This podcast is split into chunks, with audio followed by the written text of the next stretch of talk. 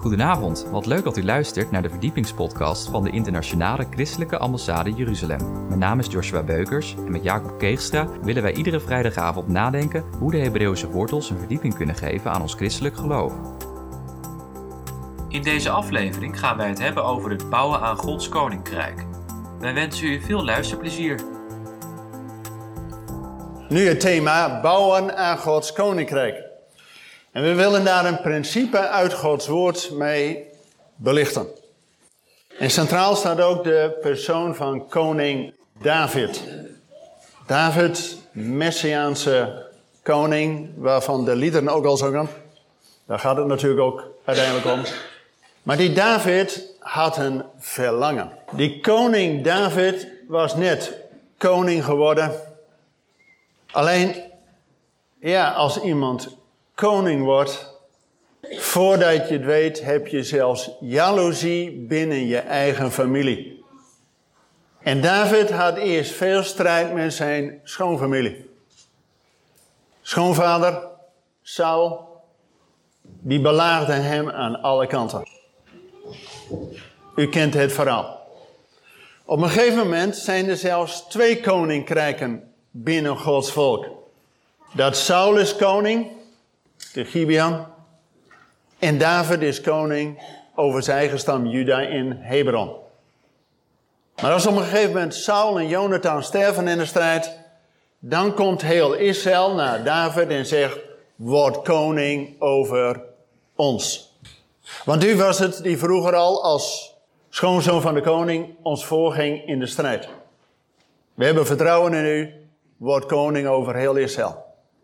En dan doet David een meesterzet.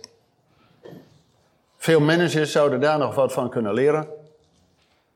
Want hij zegt niet tegen de grootste club, het tienstammenrijk, nou kom er maar bij. Nee, dan zou de grootste club zich altijd misdeeld voelen. Hij doet de meesterzet en maakt een nieuwe stad tot hoofdstad van het hele volk. Jeruzalem. En dan wil hij maar één ding. De Heer een huis bouwen. Laten we daarvan lezen wat de schrift erover zegt. En dat lezen we in 2 Samuel hoofdstuk 7. 2 Samuel hoofdstuk 7. En ik lees vanaf vers 8 dat God tegen de profeet Nathan zegt: Wel nu, zeg tegen mijn dienaar, tegen David: Dit zegt de Heer van de hemelse machten. Ik heb je achter de kudde vandaan gehaald om mijn volk Israël te leiden. Ik heb je bijgestaan in alles wat je ondernam. Ik heb al je vijanden voor je uitgeschakeld. En ik heb je naam gevestigd als een van de groten der aarde. Ik heb aan mijn volk Israël een gebied toegewezen. Daar heb ik het geplant en daar zal het nu onbevreesd wonen. Het wordt niet langer door misdadige volken onderdrukt, zoals toen het er pas woonde. En ik rechters over mijn volk Israël had aangesteld. Jou heb ik rust gegeven door je van je vijanden te verlossen. De Heer zegt, dat hij voor jou een huis zal bouwen. Dus David wil de Heer een huis bouwen, maar God zegt, nee, ik ga jou een huis bouwen. Wanneer je leven voorbij is en bij de voorouders te rusten gaat, zal ik je laten opvolgen door je eigen zoon en hem een bestendig koningschap schenken. Hij zal een huis bouwen voor mijn naam. En ik zal ervoor zorgen dat zijn troon nooit wankelt. Ik zal een vader voor hem zijn en hij zal voor mij een zoon zijn. Als hij zondigt, zal ik hem kastijden met stok en zweepslagen, zoals een vader doet. Maar hij zal nooit bij mij uit de gunst raken, zoals Saul, die ik verstoten omwille van jou. Jou stel ik in het vooruitzicht dat je koningshuis eeuwig zal voortbestaan en je troon nooit zal wankelen. Tot zover. We zullen nog een aantal schriftgedeeltes lezen, maar dit is het centrale gedeelte. Dus David heeft een verlangen om de Heer een huis te bouwen. Moet je nagaan dat vanaf Mozes met de uittocht en de intocht met Josia in het beloofde land, dat het ongeveer 400 jaar geduurd heeft, dat Israël wel het hele land heeft ingenomen, maar nog steeds niet een huis voor God heeft gebouwd. Pas 400 jaar later met koning David, dat wanneer hij koning wordt, dan heeft hij dat verlangen om de Heer een huis te bouwen. En dan zegt God, nee. Want jij hebt te veel bloed aan je handen, maar die zoon van jou, die zal mij een huis bouwen. Maar David gaat niet bij de pakken neerzitten. Zegt, nou, nou wou ik wat doen voor de Heer. Mag het niet? En, uh, nou, God bekijkt het maar. Nee. Hij krijgt die belofte van dat God een koningshuis aan David belooft. Voor altijd. Dit is het verbond wat God stelt met David als koningshuis. En we zien bij Salomo dat hij dan ook dat huis voor God gaat bouwen. Maar David, die had al voorbereidingen. Het woord bestond nog niet eens. Maar David ging fundraisen. En hij had een hoop geld al opgespaard, zodat Salomo direct kon beginnen zodra hij koning was. En David had ook al aan zijn vrienden gevraagd: help. Dat zodra Salomo aan de macht kwam en het huis voor God kon bouwen, dat hij kon beschikken over geld, over mensen die getraind waren en de juiste connecties. En dat lezen we in 1 Koningen hoofdstuk 5. Waar de vriend van David, koning Hiram van de Libanon, die wordt gevraagd door koning Salomo. En dat lezen we in 1 Koningen 5 vanaf vers 15.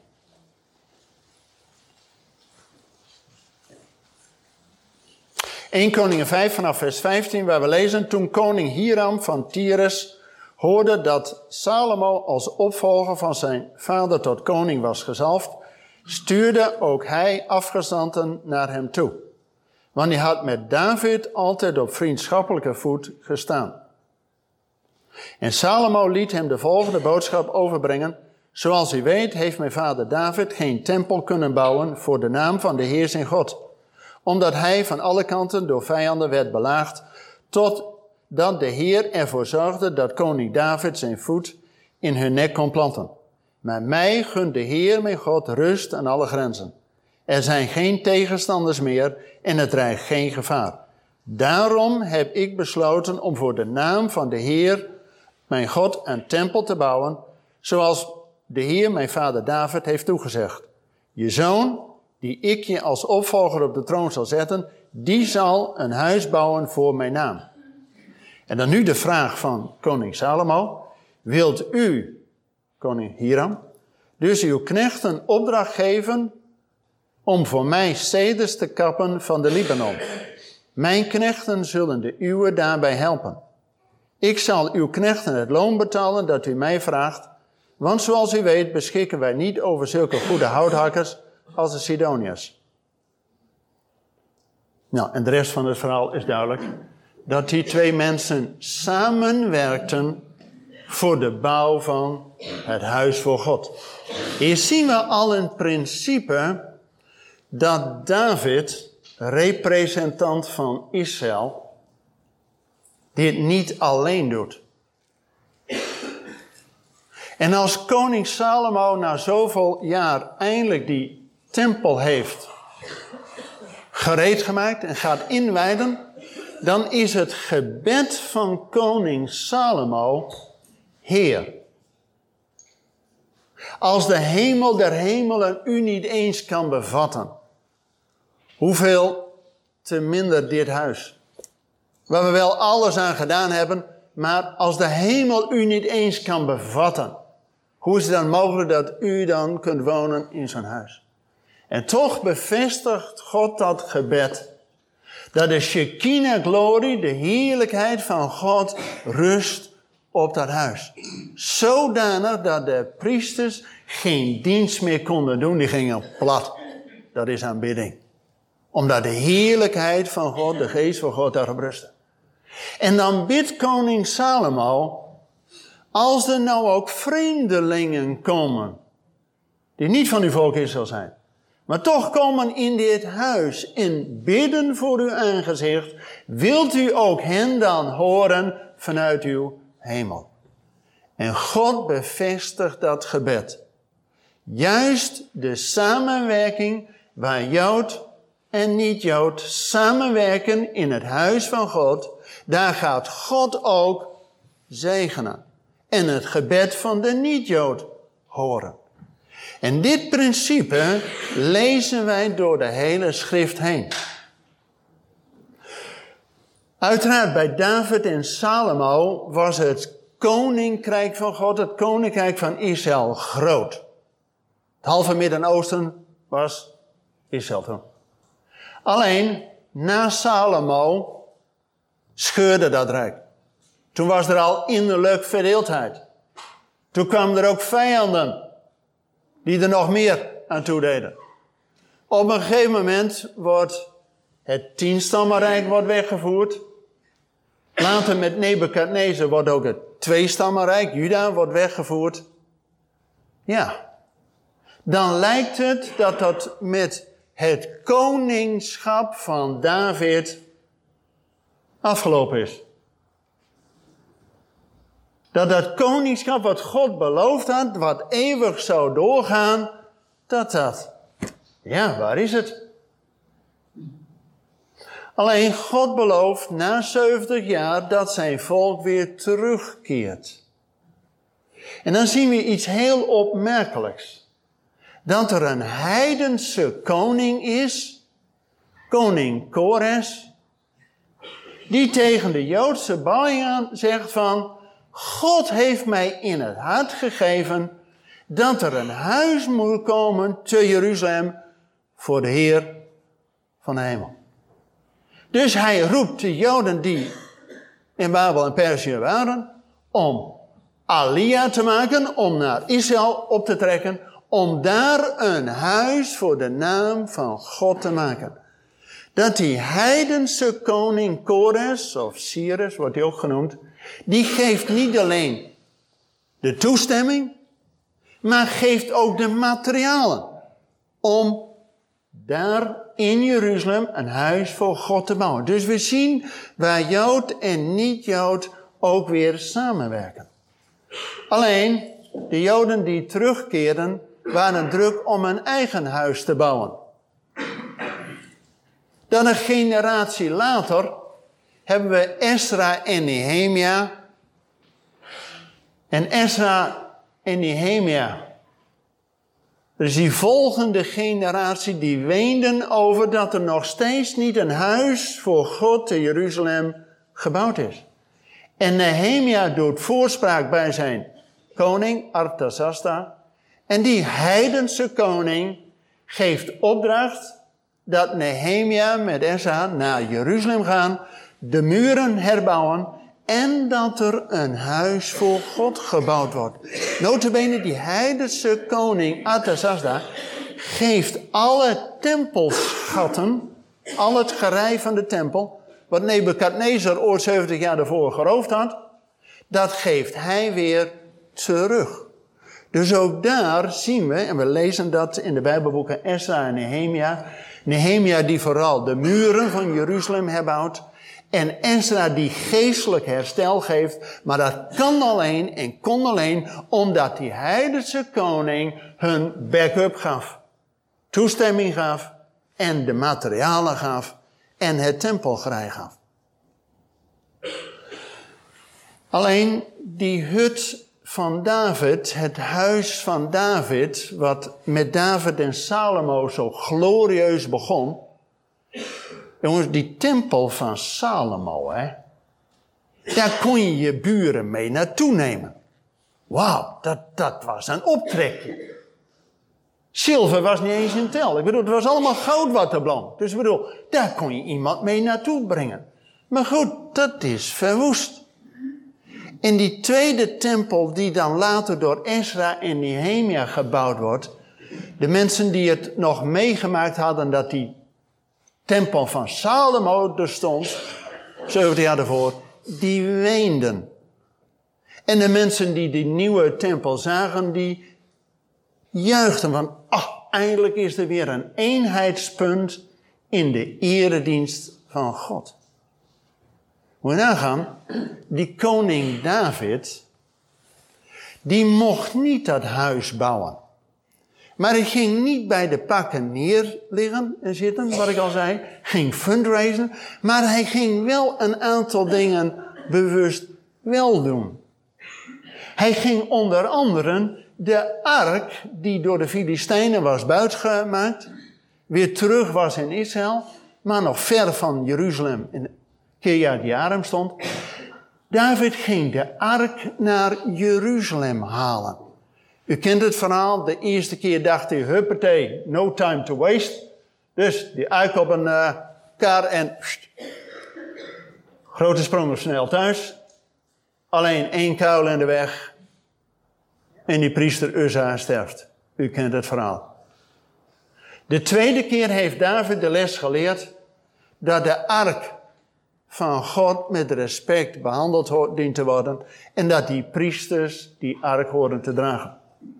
En iedere zoveel el was er weer een offer door koning David gebracht. was één bloederig gebeuren van Kiryat Jearim tot Jeruzalem, 30 kilometer lang. Maar het kostte David iets om die ark, het centrum van de eredienst, in Jeruzalem te krijgen.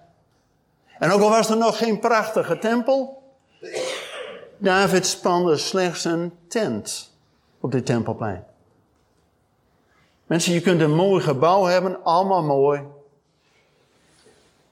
Maar de kern van de eredienst is waar verzoening is door het bloed van het lam toen op de ark. En David sponsorde 120 zangers. Dus uh, je kunt nog wat doorgroeien, zou ik die. Maar die ging de Heer in toerbeurten dag en nacht prijzen. En koning David was niet alleen een koning, maar ook een dichter. We hebben heel veel psalmen. Dat de eredienst hebben wij uit Israël afgeleid. Dus David, die had met die tent van hem, waar de ark stond, een begin van de eredienst van het koninkrijk van God, was ermee gestart. Salomo maakte daar een prachtige tempel omheen. Maar die is verwoest. En die tweede tempel van Ezra en Nehemia had lang niet die grote grandeur als die eerste tempel. Maar de profeet Hosea en later ook de profeet Haggai mag al profeteren over die tweede tempel, wat eigenlijk onaanzienlijk was. Maar dat de heerlijkheid van God groter zal worden in die tweede tempel dan van die geweldig mooie tempel van Salomo. Omdat bij die tweede tempel de Messias in levende lijven het levende woord van God kwam. Onze Heer Jezus Christus is in die tweede tempel geweest. Maar goed, ook daarna is dat verloren gegaan. Maar het grote werk van Jezus is dat ook wij, gelovigen uit de volkeren, erbij mogen horen. Dat Jezus heeft de scheidsmuur tussen Jood en Heiden afgebroken. En er staat in de Bijbel, en dat gaan we lezen. Ik wil u vragen om met mij Handelingen 15 open te slaan. Want dat is een cruciaal moment in de kerkgeschiedenis. Want na Jezus, het verbrachte werk van Jezus aan het kruis en vooral de opstanding, En daarna met Pinksteren, de uitstorting van de geest, wordt de eerste gemeente gesticht te Jeruzalem. Maar de eerste gemeente had alleen Joden. Die 120 in de bovenzaal waren alleen Joden. Er was nog geen heiden bij. Zelfs Petrus moet een visioen van God krijgen dat hij ook heidenen toestaat. En wordt de eerste niet-Jood, Cornelius, wordt ingevoegd bij het koninkrijk van God. En op een gegeven moment, door de zendingsreizen van Paulus, komen er veel mensen van buiten Israël tot geloof. En op een gegeven moment ontstaat de verwarring in die gemeente, in Israël, van wat moeten wij nou doen met die heidenen die tot geloof komen? Tegenwoordig zouden we de vraag andersom stellen, mogen de Joden er wel bij? Maar in de eerste gemeente was de centrale vraag, mogen die gelovigen uit de heidenen, mogen die wel naar het huis van God komen? Nou, laten we eens lezen wat daarvan staat in de eerste kerkelijke concilievergadering in Handelingen 15. En in Handelingen 15 zien we dat eerst de oudsten die komen bij elkaar. Petrus doet het woord, wat God door hem allemaal heeft gedaan. Dat Cornelius tot geloof is gekomen. Dat ook hij de Heilige Geest ontvangen heeft. En dat Petrus een visioen van God had gekregen om dit onderscheid te overwinnen. En ook Paulus verhaalt de zendingsreizen. En dan, ja, dan krijgen we dat het opperhoofd van de gemeente in Jeruzalem het laatste woord heeft. En wie is dat? Dat is de halfbroer van Jezus, Jacobus. En dan lezen we in Handelingen 15, vanaf vers 12, Handelingen 15 vanaf vers 12. Daarop zwegen alle aanwezigen en beluisterden naar Barnabas en Paulus, die vertelden welke grote tekenen en wonderen God door hen onder de heide had verricht. Toen ze waren uitgesproken, nam Jacobus het woord, hoofd van de gemeente. Hij zei, broeders, luister. Simeon, dat is Simon Petrus, heeft uiteengezet hoe God zelf het plan heeft opgevat om uit de heidenen een volk te vormen dat zijn naam vereert. Dat stemt overeen met de woorden van de profeten en staat immers geschreven, dan keer ik terug op mijn schreden, ik zal het vervallen huis van David herbouwen. Uit het puin zal ik het weer opbouwen. Ik zal dit huis doen herrijzen, zodat de mensen die overgebleven zijn, de Heer zullen zoeken evenals alle heidenen over wie mijn naam is uitgeroepen. Zo spreekt de Heer, die dit van oudsher heeft aangekondigd. Daarom ben ik van mening dat we de heidenen, die zich tot God bekeren, geen al te zware lasten moeten opleggen. Maar dat we hun moeten schrijven dat ze zich dienen te onthouden van wat door de afgodendienst bezoedeld is, van ontucht, van vlees waar nog bloed in zit, en van het bloed zelf. In haast elke stad wordt de wet van Mozes immers al sinds mensenheugenis verkondigd en op iedere Shabbat in de synagogen voorgelezen. Mensen, dit is de schriftplaats dat wij welkom zijn in de gemeente van de Heer. Dat juist de gelovigen uit de heidenen, wij, er helemaal bij horen. Maar dat betekent ook dat wij samen met Israël bouwen aan het koninkrijk van God. Zoals bij David, bij Salomo, bij koning Kores en bij Esra en Nehemia al hebben gezien dat God dat model wil, dat Jood en niet-Jood samen bouwen aan het koninkrijk van God. Alleen, in de kerkgeschiedenis hebben wij als christenen de Joden eerder ja, het koninkrijk van God en de kerk ontzegd. Door de kruistochten, de pogroms en de holocaust hebben wij ons van onze negatieve kant laten zien. Maar gelukkig krijgen wij een nieuwe kans. Want in de aanzet tot het herstel van het huis van David zijn ook wij ingevoegd. Want wat Jacobus hier zegt is dat wij als gelovigen uit de heidenen in Gods koninkrijk zijn ingevoegd, is het begin van het herstel van die tent of het huis van David. Dus dat wij erbij komen betekent dat God iets aan het herstellen is, maar ook met een doel, met een uiteindelijk vooruitzicht.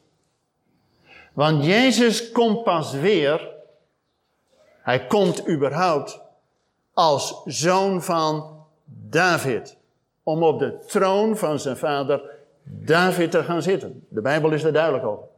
Maar hij komt pas weer als er twee dingen parallel geschieden. De eerste is dat het evangelie de wereld rondgaat, zodat iedereen kan weten wie koning Jezus is. En dat wij als gelovigen roepen, Maranatha, Heer kom, spoedig. Dat is één. Maar parallel daaraan is dat ook Israël terugkeert naar zijn eigen land en dat vooral Jeruzalem roept, gezegend hij die komt in de naam des Heeren. Jezus kan pas terugkomen als die twee parallel geschieden. En het evangelie is al bijna de wereld rond. Het is vanuit Jeruzalem, Judea, Samaria, Klein-Azië, Europa, door Columbus een bekeerde Jood naar Amerika gegaan. Inmiddels is het evangelie via de Filipijnen, Taiwan, Zuid-Korea, waar de grootste kerken ter wereld zijn. De ene kerk van Kippur heeft 1,2 miljoen leden. Nou, wat u dan voor visie voor gebouw heeft, kan er nooit in. Dat is geen probleem. De eerste 100.000 komen s ochtends 8 uur. Die gaan om 9 uur naar de koffie. En dan komt de volgende 100.000. En als je dan, en als je dan bidstond hebt, ben je niet alleen. Als u begrijpt wat ik bedoel. Het evangelie is nu druk bezig om in China, er zijn al 140 miljoen christenen in China, dat de overheid wordt een beetje bang. Want er zijn slechts 70 miljoen leden van de communistische partij, maar al twee keer zoveel christenen. Dus logisch dat de regering nou probeert die mensen te onderdrukken. Maar waar Gods geest aan het werk is, houdt geen onderdrukking aan. En de laatste hobbel voordat het evangelie terug is in Jeruzalem en daarmee de wereld rond is, is de Arabische wereld. Logisch dat nu in Iran, waar een gigantische opwekking is, dat daar een hoop strijd is. Bid ook voor de christenen die redelijk vervolgd worden daar in Iran. Maar dat is één. Het evangelie is bijna de wereld rond. Zodat wij roepen, hier komt spoedig Maranatha. Maar ook Israël is bezig aan het herstel. En juist christenen hebben meegeholpen om Israël weer terug te brengen naar hun eigen land. Net zoals die koning Kores en een generatie later koning Artasasta, was na de Eerste Wereldoorlog het Britse Rijk, moet je nagaan dat het Britse Rijk was rond 1900 het grootste rijk wat ooit op de wereld is geweest. Groter dan het Babylonische of het Persische of alles wat in de Bijbel staat. Het Britse Rijk, daar ging de zon niet onder. Ze hadden Nieuw-Zeeland, Australië, India, half Afrika, Engeland uiteraard, Canada tot noem maar op. Met andere woorden, de zon ging niet onder in dat rijk. En rond 1900 was daar een christelijke regering. En die kreeg de kans om na de Eerste Wereldoorlog. Om juist ook Israël terug te brengen naar hun eigen land. Met het Britse mandaat Lord Balfour. Dus daarin zien wij ook, en die mensen, die christenen uit Engeland, hadden maar één verlangen. Die zeiden, God heeft ons geroepen als regering van dit grootste rijk. Niet om alleen voor onszelf te leven, maar om het volk van God terug te brengen naar hun eigen land. Nou, daar hebben ze alle middelen voor gebruikt. Het heeft nog 30 jaar geduurd voordat de staat Israël uiteindelijk ontstaan is. Maar God is bezig. En ook in een wat recentere tijd. Ik ben blij dat mijn vrouw ook mee is. Wij als christelijke ambassade. Met een hoofdkantoor in Jeruzalem. En in 140 landen vertegenwoordigd. Die mag dan de vertegenwoordiger van de Nederlandse afdeling zijn. Wij hebben geholpen toen het Russische communisme viel, Sovjet-Unie in elkaar viel, dat de Russische Joden eindelijk naar Israël konden gaan. Mijn vrouw werkte toen in Israël en heeft persoonlijk alle checks van 57 vliegtuigen vol met Russische Joden die vanuit Rusland naar Israël konden. Wij bouwden mee om ook Gods volk terug te doen keren. Want Jezus kan pas terugkomen wanneer ook Jeruzalem zegt, gezegend hij die komt in de naam des Heren. En wij mogen meebouwen daaraan. Mensen, wij kunnen als gemeente zo op ons eigen, oh als dit gebouw maar goed is. Het is goed om een gebouw te hebben, hè? anders is het moeilijk om samen te komen. Maar een gemeente bouwen is meer dan het gebouw. Gaat om de relaties. En ik vond het zo mooi dat er ook bij het kindermoment werd gezegd: word ook zelf niet zomaar een steen, maar word een levende steen. Zullen we ook dat lezen wat de Bijbel zegt in 1 Petrus, hoofdstuk 2. 1 Petrus 2, waar de oproep ook aan ons is. Ik lees vanaf vers 1, 1 Petrus 2 vanaf vers 1. Ontdoe u dus van alles wat slecht is, van alle bedrog en huichelarij, alle afgunst en kwaadsprekerij, en verlang als pasgeboren zuigelingen naar de zuivere melk van het woord, opdat u daardoor groeit en uw redding bereikt. U hebt toch ondervonden hoe goed de Heer is. Voeg u bij Hem bij de levende steen die door de mensen werd afgekeurd, maar door God werd uitgekozen om zijn kostbaarheid. En laat u ook zelf als levende stenen gebruiken voor de bouw van een geestelijke tempel. Vorm een heilig priesterschap om geestelijke offers te brengen die God, dankzij Jezus Christus, welgevallig zijn. In de schrift staat immers, in Sion leg ik een hoeksteen die ik heb uitgekozen om zijn kostbaarheid. Wie daarop vertrouwt, komt niet bedrogen uit. En dan vanaf vers 9. Maar ook u bent een uitverkoren geslacht, een koninkrijk van priesters. Een heilige natie, een volk dat God zich verworven heeft om de grote daden te verkondigen van Hem die u uit de duisternis geroepen heeft tot zijn wonderbaar licht. Eens was u geen volk, nu bent u Gods volk.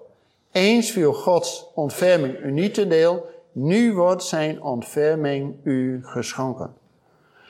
Mensen, door koning Jezus, die koning van Israël is, de Messias, en wij de genade hebben dat wij erbij mogen horen, betekent ook dat wij tot dat koninkrijk van priesters zijn en dat we ook geestelijke offers brengen.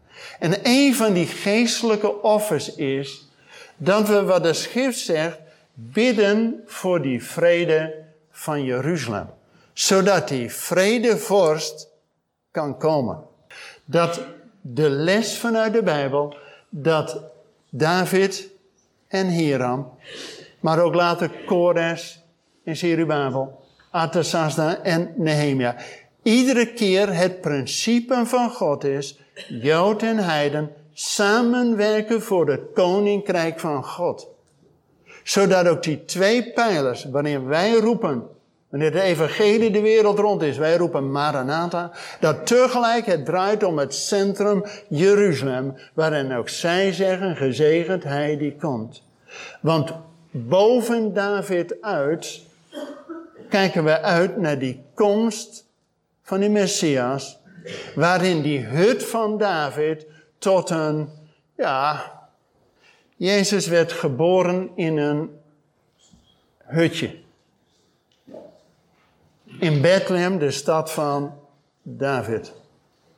Maar eenmaal zal de tent van God, de loofhut van God, bij de mensen zijn. En dan zal Jezus als bruidegom de maaltijd des Heren aanbreken en die bruid welkom heten in die goepa, in die tent van God. En nu mogen wij werken aan het herstel van die hut van David. David betekent de geliefde. En boven David uit de geliefde zoon van God. Jezus die komt als zoon van David om op die troon van David te zitten. Mensen, welk geestelijk offer u gaat brengen, weet ik niet. Maar laten we daarvoor bidden. En dat God ons die visie geeft, dat wij samenwerken in het bouwen aan Gods koninkrijk. Niet met fysieke stenen, maar met geestelijke offers. Bedankt voor het luisteren naar deze verdiepingspodcast van de ICEJ. Waardeert u onze podcast? Steun ons dan met een donatie, abonneer u of deel deze podcast met uw vrienden of familie. Ga naar www.icej.nl. Volgende week gaan wij het hebben over de parasha of het Bijbelrooster. Kom, God zei tegen Mozes, kom naar de farao uit Exodus 10. Hartelijk bedankt voor het luisteren en tot volgende week.